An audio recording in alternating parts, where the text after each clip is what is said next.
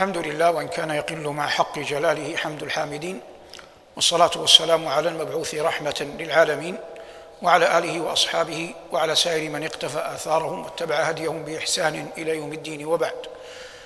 هذا مع القرآن في عامه العاشر في جامع غادر إبراهيم رحمه الله تعالى في مدينة الرياض. درس اليوم عنوانه قول الله عز وجل فضرب الرقاب. قال ربنا تباركت أسماؤه وجل ثناؤه في سورة محمد. فإذا لقيتم الذين كفروا فضرب الرقاب حتى إذا أثخنتموهم فشدوا الوثاق فإما منا بعد وإما فداء حتى تضع الحرب أوزارها. ذلك ولو يشاء الله لانتصر منهم ولكن ليبلو بعضكم ببعض. والذين قتلوا في سبيل الله فلن يضل أعمالهم سيهديهم ويصلح بالهم ويدخلهم الجنة عرفها لهم. اللقاء عنوانه فضرب الرقاب لأن هذه الآية يجب أن تفقه في زماننا هذا فقها حقيقيا يجمع ما بين الفقه والدعوة والعلم بالواقع. الآية تتحدث عما كان بين المسلمين وما بين كفار قريش من قتال. ومعلوم أن قريشا ناوأت النبي عليه الصلاة والسلام وهو في مكة. حتى أخرجوه. فهاجر إلى المدينة. وهناك أذن الله عز وجل له بالجهاد. فالجهاد ذروة سنام الإسلام. وهو ماض إلى قيام الساعة حتى يقاتل آخر هذه الأمة الدجال. فلا يملك أحد ايا كان حاله في أي عصر ولا مصر أن يقول أن الجهاد ليس من شرع الله بل الجهاد جاء في نصوص كثيرة جدا في كتاب الله وقال عنه نبينا صلى الله عليه وسلم وذروة سنامه الجهاد في سبيل الله لما ذكر الدين. لكن ينبغي أن يفهم كلام الله لأن إنزال كلام الله على غير ما أنزل من أجله قد يحدث فتنة في الناس كبرى. يقول رب العزة فإذا لقيتم الذين كفروا لق... تلقونهم؟ في ساحات في ساحات القتال. الآية تتحدث عن ساحات القتال. فإذا لقيتم الذين كفروا أي في ساحات القتال فضرب الرقاب. والذي يدل على أن المقصود في ساحات القتال أنه لم يأذن الله للمؤمنين بقتل الكفار أينما ثقفوهم. وأما قول الله عز وجل حيث ثقفتموهم فهذا يتحدث عن المقاتل الكافر المقاتل العدو المحارب للمسلمين الذي ظفرنا به في غير ساحة القتال. اذا هو أصلا تبع لساحة القتال. حتى تطمئن نفسك. النبي عليه الصلاة والسلام أهديت له حلل. حللا من حرير. فأبى أن يلبسها. وقسمها على بعض أصحابه. وممن أخذها ممن أعطاهم النبي أمير المؤمنين عمر ولم يكن يوم ذاك أميرا للمؤمنين. كان صحابيا من فضلاء الصحابة. فعمر رضي الله تعالى عنه وأرضاه يعلم أنه لأنه مؤمن لا يحق له أن يلبس الحرير وكان له أخ مشرك في مكة. فبعث بتلك الحلة إلى أخيه الذي في مكة ليلبسها لأنها ليست حراما عليه إذ لا دين له هو ثني. هذا الأخ فهذا عمر يبر أخاه وهو في مكة. وهؤلاء الأصحاب كانوا مع نبينا مع نبينا صلى الله عليه وسلم وأنزل عليه القرآن. فقول الله عز وجل فإذا لقيتم الذين كفروا فضرب الرقاب حتى إذا ادخلتموهم إلى آخر الآية تتحدث عن حال المسلم. وهذا أصلا في جميع الملل في جميع النحل. أي أمة يحاربها أحد؟ لن تهدأ بالها لن يهدأ بالها حتى تنتقم لنفسها. أي أمة؟ لا يوجد احد يقبل أن يداهمه عدو أو أن يقاتله أحد ظلما وبغيا وعدوانا ثم يرضى بالسكون. هذا أمر بدهي جدا. فلا تتحدث فضرب الرقاب على أن المسلمين ينبغي عليهم بساحات القتال أن يظهروا شوكتهم ومناعتهم وقوتهم حتى لا يتسلط أحد على الإسلام وديار الأسلام وأهلها. وهذا متفقون المسلمون بحمد الله جل وعلا عليه. فمن هنا تفهم الآية. ما الذي نريد أن نقوله نحن في قول الله عز وجل فضرب الرقاب؟ اليوم في زماننا هذا أصبح الصراع اكثره صراع ثقافات وأصبحت هناك أمم من اليهود والنصارى والنصارى أكثر وغيرها من الأمم تملأ الأرض وأصبح العالم كله يستطيع أي أحد أن يرى ما يقع في غير العالم الذي يعيش فيه بما لا جدال فيه ولا شك. فلو قدرنا مثلا أن هذا المسجد في مدينة الرياض لو قدر في رمضان نقلت صلاة التراويح منه بصوت إمامي الشيخ حاتم صوت ندي مرغب فسمعه آلاف في أنحاء العالم. هؤلاء الآلاف لا يملكون قرارا إنهم من عامة الناس ليسوا قادة ولا سياسيون ولا أصحاب فكر ولا ثقافات ولا مؤامرات إنما هم من عامة الناس بصرف النظر عن الدين الذي يحملونه.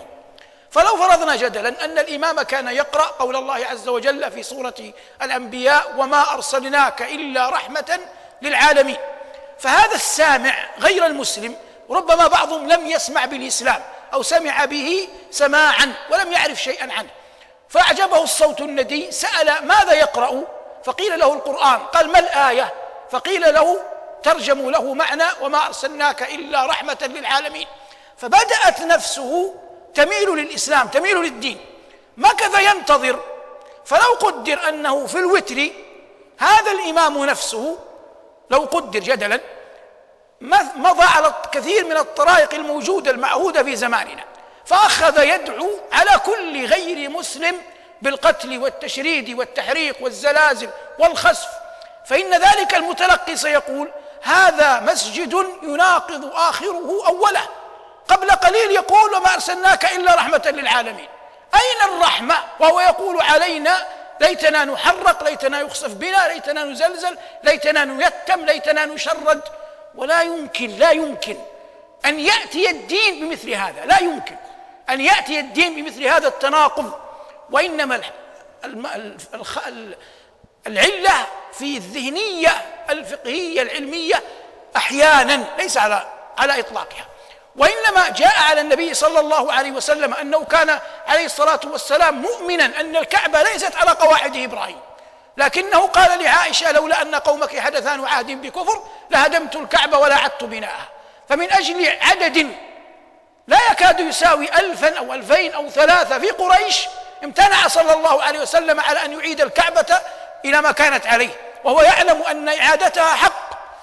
فكيف بمراعاة ملايين من البشر يسمعون عن الدين؟ ينبغي أن يكون الخطاب خطابا يرغبهم في دين الله. النبي عليه الصلاة والسلام قال لمن بعثهما إلى اليمن بشرا ولا تنفرا.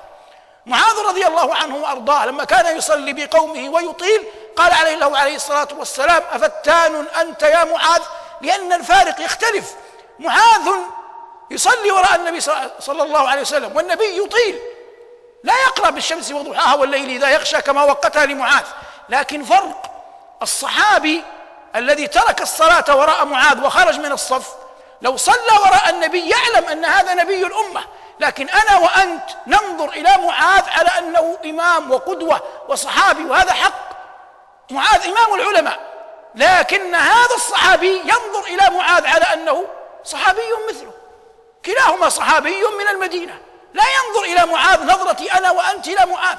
لكن معاذا وهذا الصحابي ينظران إلى النبي صلى الله عليه وسلم نظرة إجلال وتقدير. هذا نبي وهما صحابة. هذه أمور يجب اعتبارها في عندما الإنسان يتبوأ للصدارة يتبوأ للمكانه يتبوأ لأن يعرف كيف يبلغ دين الله جل وعلا للناس.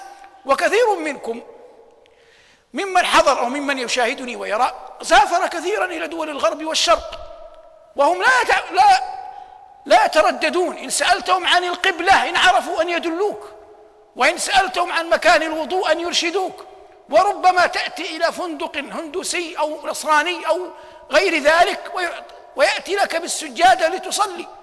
فمثل هذا لا يصح أن يسمع عن ديننا أننا ندعو عليه مع صنيعه هذا بالتشريد والتحريق والخسف والزلزلة.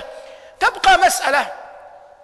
يقول القائل وهذا حق ألا يوجد سياسيون وعسكريون ومتآمرون على الدين؟ يوجد ولا ينكر هذا أحد.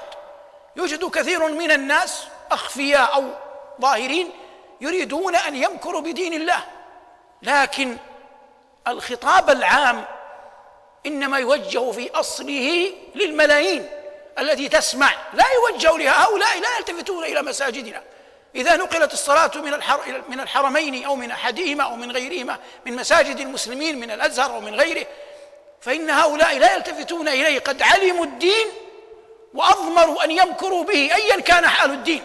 لكن نحن ليس هدف ليس غايتنا ليس خطابنا موجه إلى هؤلاء. هؤلاء لهم خطاب آخر. الساسة في بلادنا قادة بلادنا يدركون الطريقة المثلى لتجاوز مكر هؤلاء.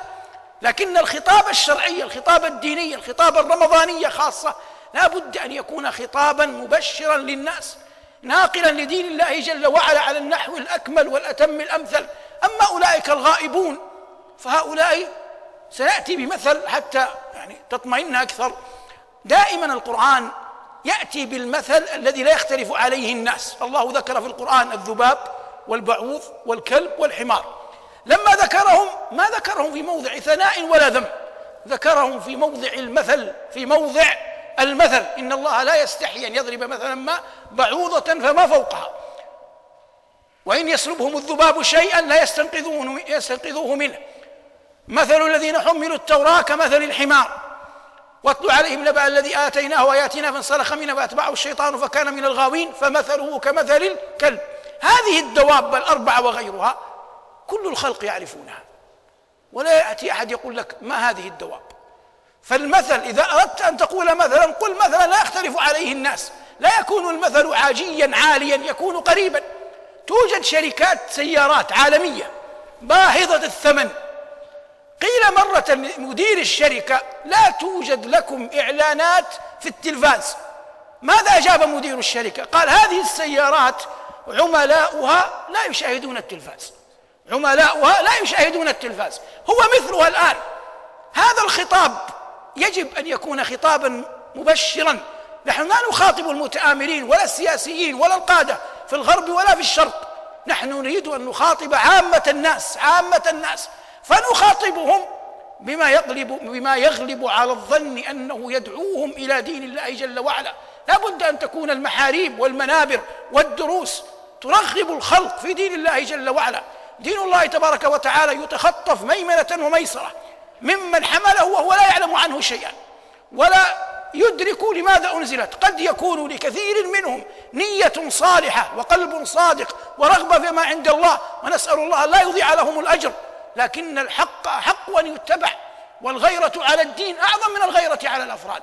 هذا ما يتعلق بالدعوة. أما ما يتعلق في خاتمة المطاف في الصناعة اللغوية فإن قول الله عز وجل فضرب الرقاب هذا مصدر ناب عن فاعله وهو أحد أربعة صيغ لفعل الأمر. إما أن يقال فعل الأمر نفسه افعل اترك أقم الصلاة زكي صلي. وإما أن يؤتى بالفعل المضارع. مقرونا بلام الأمر. قال تعالى وليطوفوا بالبيت العتيق وإما أن يؤتى باسم فعل الأمر. قال تعالى عليكم أنفسكم فعليكم اسم فعل أمر وإما أن يؤتى بالمصدر النائب عن فاعله كقوله جل وعلا فضرب الرقاب ومثله في السنة قوله صلى الله عليه وسلم صبرا آل ياسر والمعنى اصبروا آل ياسر. هذا ما تيسر اراده وتهيأ اعداده وعان الله على قوله والحمد لله رب العالمين.